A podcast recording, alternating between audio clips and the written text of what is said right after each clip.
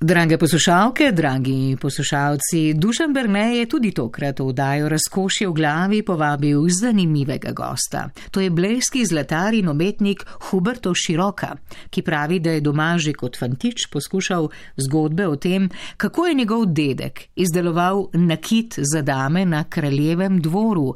Potem pa, ko se je Huberto zbleda odpravil v Ljubljano, je sam svojo identiteto iskal v risanju, kiparstvu, plesu plesu, poeziji, literaturi, fotografiji, filmu in še bi lahko naštevali.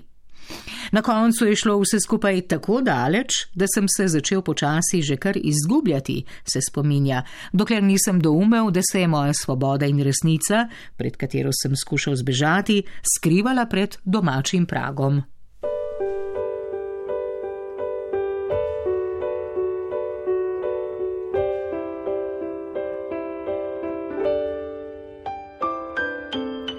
Pravijo, da naj bi bil Pariz mesto ljubezni.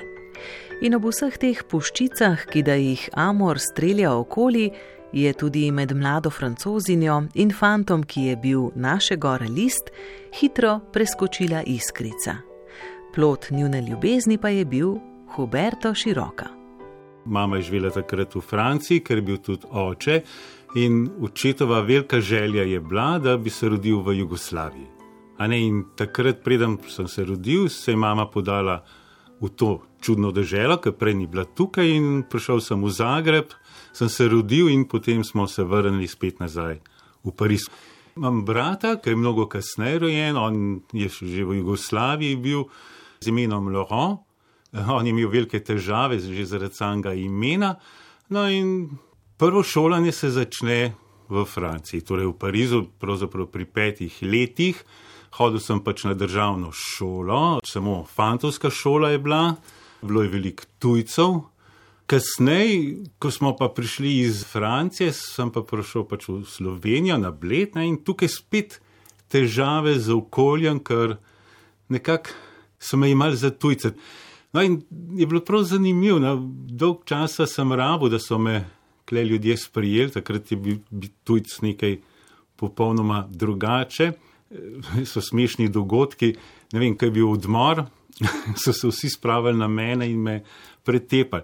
Čeprav kasneje so ti fanti bili moji prijatelji, ampak prva ta dojemanja tega prostora so bila dokaj čudna. Treba je tudi vedeti, da Slovenija v letih 66 ni bila še tako odprta. Ne? In so me hoteli dati v pomožno šolo, ker nisem znal govoriti slovensko. In potem sem imel srečo, ker se je ena učiteljica potegnila za mene in, in me potem vsa leta rešvala. Naj no, nuna je potem rekla tam. Ni socialni delo, ki je rekla, ampak on prihaja iz tujine, ne? on ne more znati govoriti slovensko. No? In potem nekako se je to začelo odvijati, no potem so se pa počasi normalizirali, sprejel ta prostor, se navadil, ljudje te sprejmejo. Je bilo pa težko. Lahko govorimo o tem, da Slovenija takrat je bila zelo taka, sploh pa podeželje, bled to je vas, ne? čeprav mislimo, da je bled nekaj več, ampak bilo je še grobo, pletnari so tam v pegleznu ropotali, se drl. Jaz sem hodil, ne vem, ščipkam v šolo, ker je pač mama bila tako navajena v kratkih rokavih še septembra in to je bilo za ta krok mečkan čuden, tako da ta socializacija je bila kar dolga. No?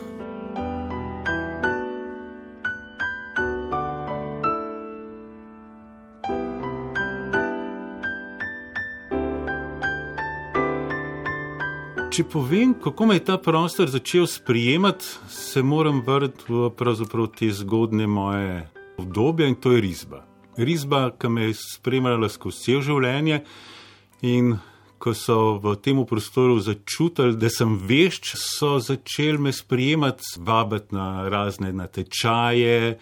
Bil sem nekako izpostavljen, in risba je bila tista, ki me je začela spremljati in pravzaprav socializirati mogoče zaradi nenavadnosti, ki sem jo nosil, ampak se narisati pa zna. Tudi šola ni mi bila glih nikje blizu, ampak pravim, risba je bila vedno tista, ki me je spremljala. In prva zadovoljstva v življenju so bile skozi risbo, ne, ne vem, za planinsko društvo, razni natečaji, partizanski, razni kuriri. Vse to mi je dal neko afiniteto v prostoru, istočasno pa tudi poezija, ne? da sem zelo rad risal istočasno in pisal ne?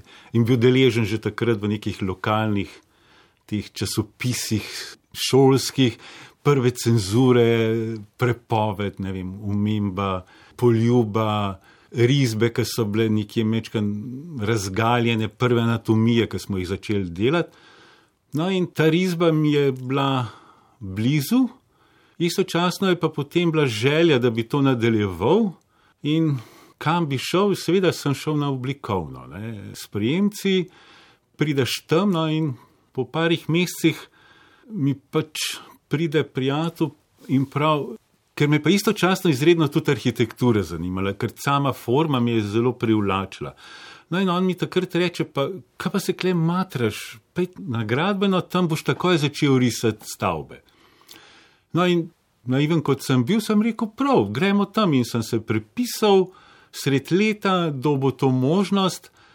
No, in se je začela ta epohalna doba, moja štiri leta na šoli, ki mi ni bila blizu, smo risali, seveda smo risali veliko, je pa neverjetno, na tej šoli sem dobil mentorja, profesorja, ki nas je učil moditi zmago.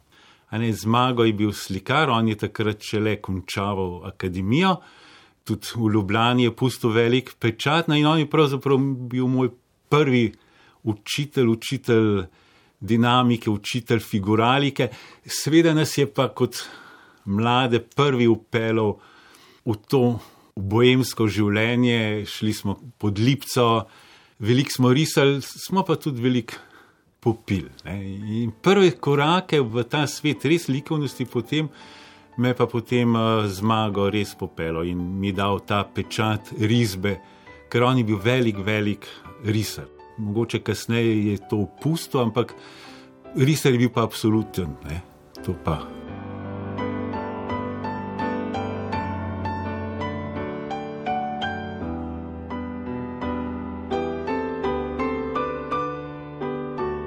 Ljubljana v tistem času je bilo mesto z veliko začetnico imel sem možnost poznavati dosti drugih krajev, seveda, veš, če sem se vračal v Pariz, ampak Ljubljana je v tistem obdobju pomenila res nekaj novega. In jaz sem bil mlad, prvič v Ljubljani, nekje zgubljen, željen življenja, nisem pa niti več vedel, kaj hočem v življenju. Pravzaprav nagibal sem se k poeziji, nagibal sem se k slikarstvu, kiparstvu, rad sem plesal.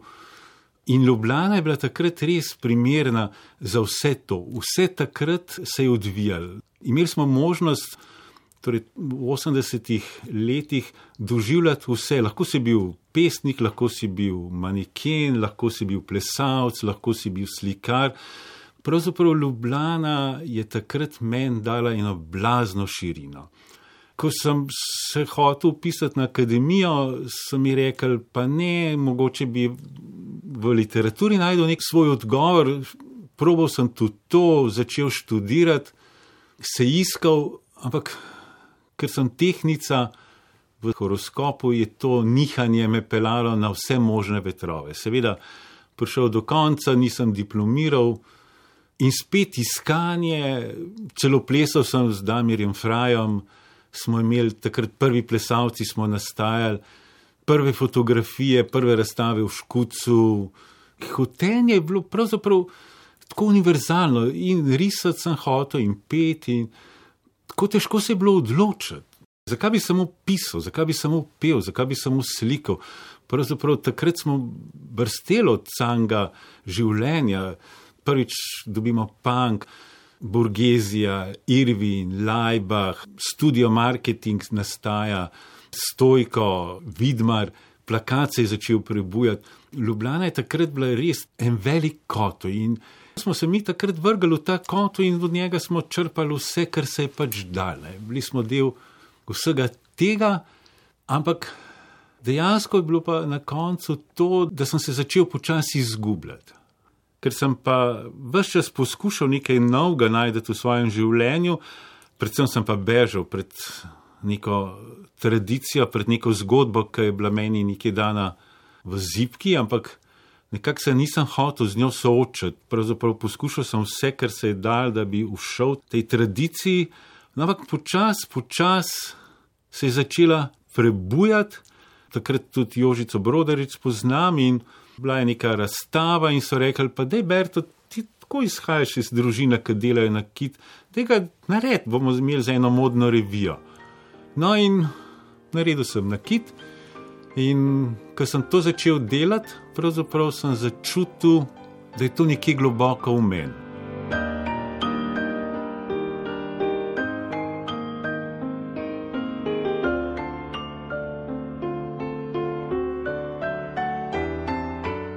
Torej, Ljubljana me je počasi začela in zapuščati, nikjer nisem več najdel neke poti, tudi doma so že pritiskali, ker so razmišljali, da že delam doktorat, najmanj v Ljubljani. No, med tem časom je dedek zbolel in sem moral nekako priskočiti v delavnico, da nadomeščam njega. Seveda sem šel, smuko, tam it na bled, kjer nisem nikjer imel nekih svojih stikov velik. Mesto je bilo dolgočasno, po domače rečeno sivo.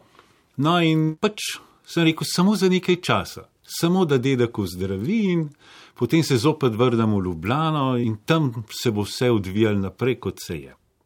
No, in ko se vrnem v delavnico, so bile ure in ure, ki sem sameval, čakal stranke, ljudi, okrog mene urodja, jaz sem to opazoval, seveda z nekim odklonilnim odnosom. Kaj, Ampak počasi, počasi so pa te stvari se prebujale in nekako ta radovednost, ki je bila vedno v meni, sem rekel: pa čakaj, iz tega se da nekaj narediti, iz tega lahko nekaj stisnem, iz tega lahko neke svoje projekte začenjam ustvarjati.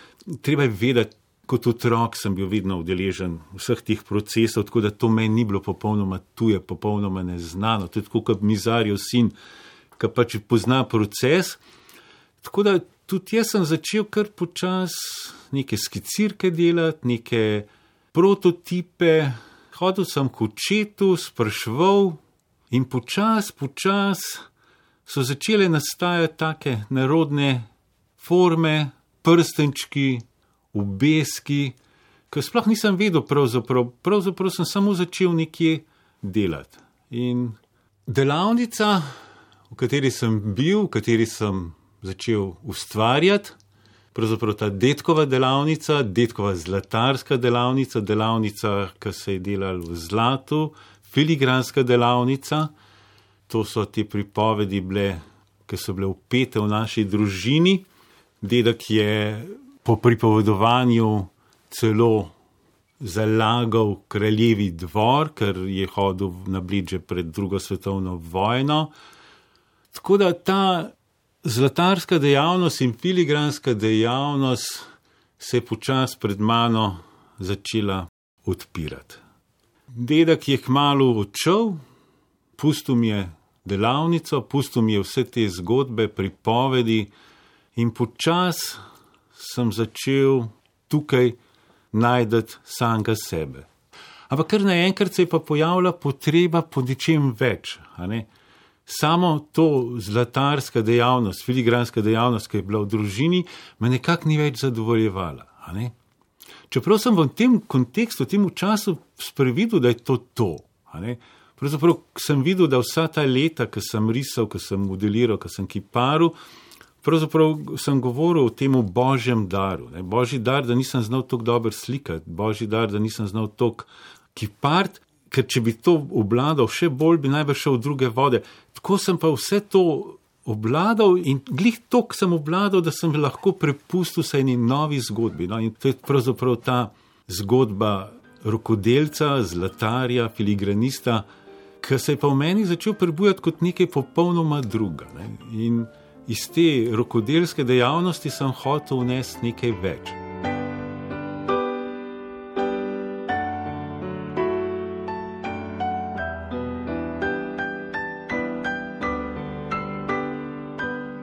Bled, zatočišče, stalnica, na začetku je bilo težko.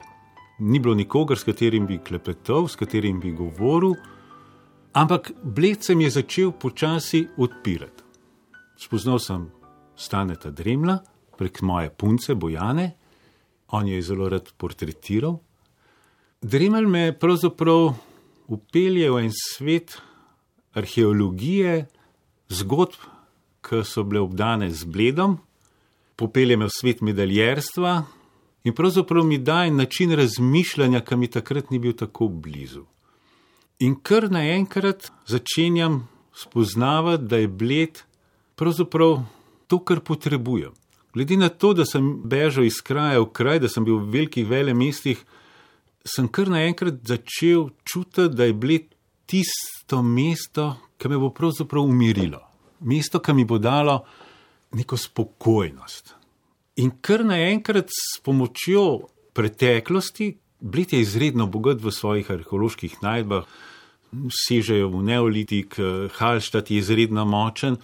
No in skozi ta Halštat, ki je že takrat bil nekje delno zaznamovan, sem kasneje prišel do spoznanja, da je pravzaprav Bled neka moja osebna geneza. Ne, nikjer nisem najdel zatočišča, niti v tujini, niti v Parizu, niti v Londonu, niti v Zagrebu, posod sem bil tujc.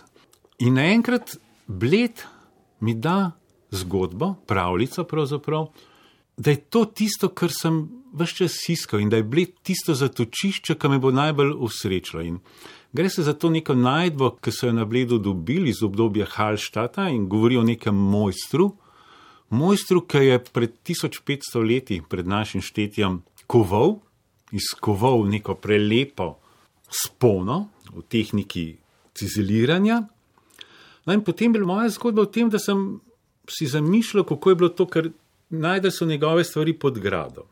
In sem rekel, wow, to je pa nek mojster, tako kot jaz, bil kle in je pozno v noč vsak dan tolku ne, in delal za neke spletične, pač ljudi usrečeval. Ne. In potem sem nadaljeval in sem prišel do zaključka, da čez 1500 let pa nasproti skale spet mojster, toče, dela pač izdelke in proba usrečevati ljudi. Iz tega sem si naredil neko mojo lastno osebno zgodbo, ki pravi, da časi, ko se sprehajaš po bledu, ki slišiš zvečer ropotanje kladiva, pravzaprav ne veš, aj to ta mojster izpred 1500 let ali to jaz kujem. Ne? In tukaj je pravzaprav bilo ta stična zgodba, ki sem jo povezal s samim seboj. In, in enkrat sem dojel, da je bled tisto mesto, ki me bo najbolj usrečevalo. Ker potem, kasneje, ko sem se še bolj poglabljal v to svojo lastno genezo, sem prišel do zaključka, da je to ne samo, da je lepo mesto, ampak pravzaprav, da ima ogromno nekih pozitivnih energij, ne nekih mističnih, ampak če vzamemo tudi Marko Pogačnik, ki smo klepetali o teh stvarih, je govoril o tem svetem trikotniku, ta bohinjski trikotnik. In tukaj ne bi ljudje bili izpolnjeni srečo. In se, če pogledamo Riklja, zakaj je prišel na bled? Ta prostor je vse čas nudil neko umirjenost to, kar smo danes naredili, neko pobeznelost, neko norost, je neko odmikanje od tistega, kar bled je. Bled je bil čaroben in včasih so ljudje na bled hodili, ker so te stare blejske vile, da so preživljali vsa poletja.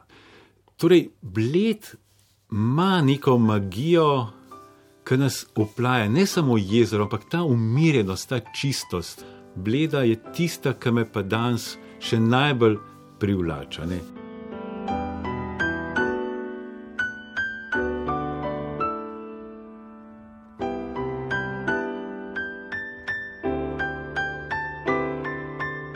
Zdaj, ko govorimo o tem, da mi bled nudi to neko notranje zadovoljstvo, je to en cel proces. Zgodba, ki se odvija s samim mojim načinom dela, na začetku so bile stroge geometrijske linije, čiste, ki so bile del refleksije tudi ljubljene, ki smo bili zelo bolj odrezavi. No, in kar naenkrat iz tega čistega geometrijskega konteksta sem začel spoznavati material na popolnoma drug način. Dolgi zimski večeri, dolgo sem razmišljal in dejansko sem začel spoznavati kovino na popolnoma drug način. Včasih smo se soočala kot dve gori, in potem sem jaz probo vedno v njo vtisniti neko mojo refleksijo, ampak počasi, počasi sem pa začel dobivati neke signale od nje, da ima nekaj zapovedati. Ne? In tukaj ta magija, ne na robe razumeti, to niso neke religijske zadeve, ampak to pravzaprav prisluhnil sem sam v sebi. In ker naenkrat so se začele kovine odzivati na popolnoma drug način. In prišlo je obdobje, ko mi sploh več ni bilo treba risati, ni bilo treba nič. Dejansko sem sedel v delavnici, vzel sem kladu, vzel sem zlato, vzel sem srebro, Včasih me sprašujejo, zakaj je zlato, včasih zakaj je srebro, pravzaprav niti ne vem. Včasih je rumena barva tista, ki me nagovori, včasih je srebrna, ker je barva luna in je topla. Rumena je prijetna, je pa včasih obremenjujoča, predvsem zaradi svoje žlahnosti. In potem ljudje niti več ne vidijo mojih oblik, ampak predvsem tisto, oh, a to je pa tok. Srebro mi je pa dalo pravzaprav ples, ples. Lahko sem plesal, lahko sem tolko in zato danes veliko delam, predvsem v srebru, predvsem zaradi tega, ker so se lahko podala in ni bilo več umejitev. In ko je začela kovina govoriti, takrat so prišle stvari ven iz mene, ki jih sploh nisem poznal. Treba je vedeti, da ker se človek, še sploh, ko sem bil mlad, si bilo veliko vprašanj. Veliko si se sprašoval, veliko smo brali, ne bi zdaj niti našteval, koga vse. Ampak potem so bile pa delavnice in so bile ure in ure točenja po kovini, kot ena vrst meditacije. Ampak po mestih točenja po kovini sem se včasih usedel in so mi bile stvari jasne. In dejansko danes, ko delam s kovino, je pravzaprav samo še neka vrst meditacije. Se sploh več ne govorim o tem, aj forma taka, aj forma taka, pravzaprav so samo še neke pripovedi, ki prihajajo iz mene. Dejansko je forma samo še neka vrst lupine in moje stranke, ki danes prihajajo, sledijo neki moji formam, ampak nekako prisluhnejo mojim pripovedim, ki jih pa prek teh valovanj, kovine dobim.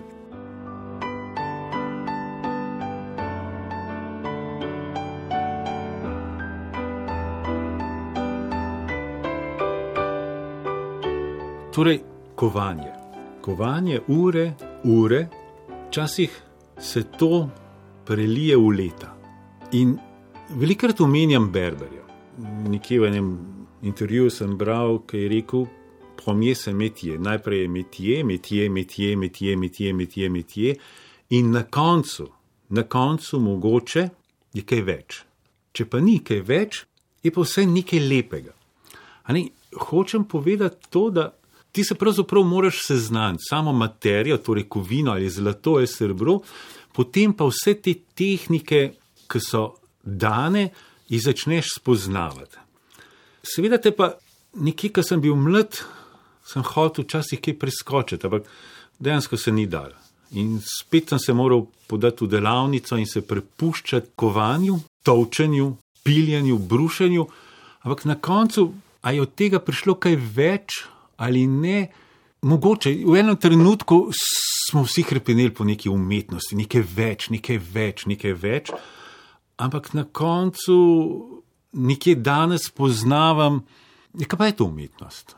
Pravzaprav obladam perspektivo, grem v Afriko, jo pokažem za Murcu, jo niti ne bo dojel. Rubensa ne bo dojel z tisti veličini, ki mu rečem, da je to portret, on mi bo pokazal tisto masko in bo rekel, to je pa portret hočem reči, da mogoče sploh več ne iščeš to umetnost, ampak samo valovanje. In ta obrt, če rečemo tako, je pravzaprav tista, ki te spravi ta ritem in se ti začnejo odvijati zgodbe. Leta in leta nisem bilo ti naroden povedati, da si obrtnik, bilo ti naroden, da si umetnik, hotel se eno, hotel se drugo. Danes, če odkrit povem, je popolnoma vseeno. Danes se prepuščam tej meditaciji, temu kovanju. In mi čisto vseeno, me spremljajo kot rokodelca, me spremljajo kot umetnika, pravzaprav me usrečuje to, da iz mene prihajajo te zgodbe. Kar je pa nekaj čarobnega, je pa to, da te zgodbe sprejemajo ljudje. In pravzaprav skozi ta dialog, ki ga vzpostavljam jaz, ljudje, in tukaj je pravzaprav umetnost. Umetnost, ko poskušam deliti neko svojo misel in ta misel se rodi v stranki in je srečna in gre s to mojo miniaturico skozi ta svet, sprema lepoto in ta lepota jo uplaja, jo usrečuje in to, to je pravzaprav umetnost.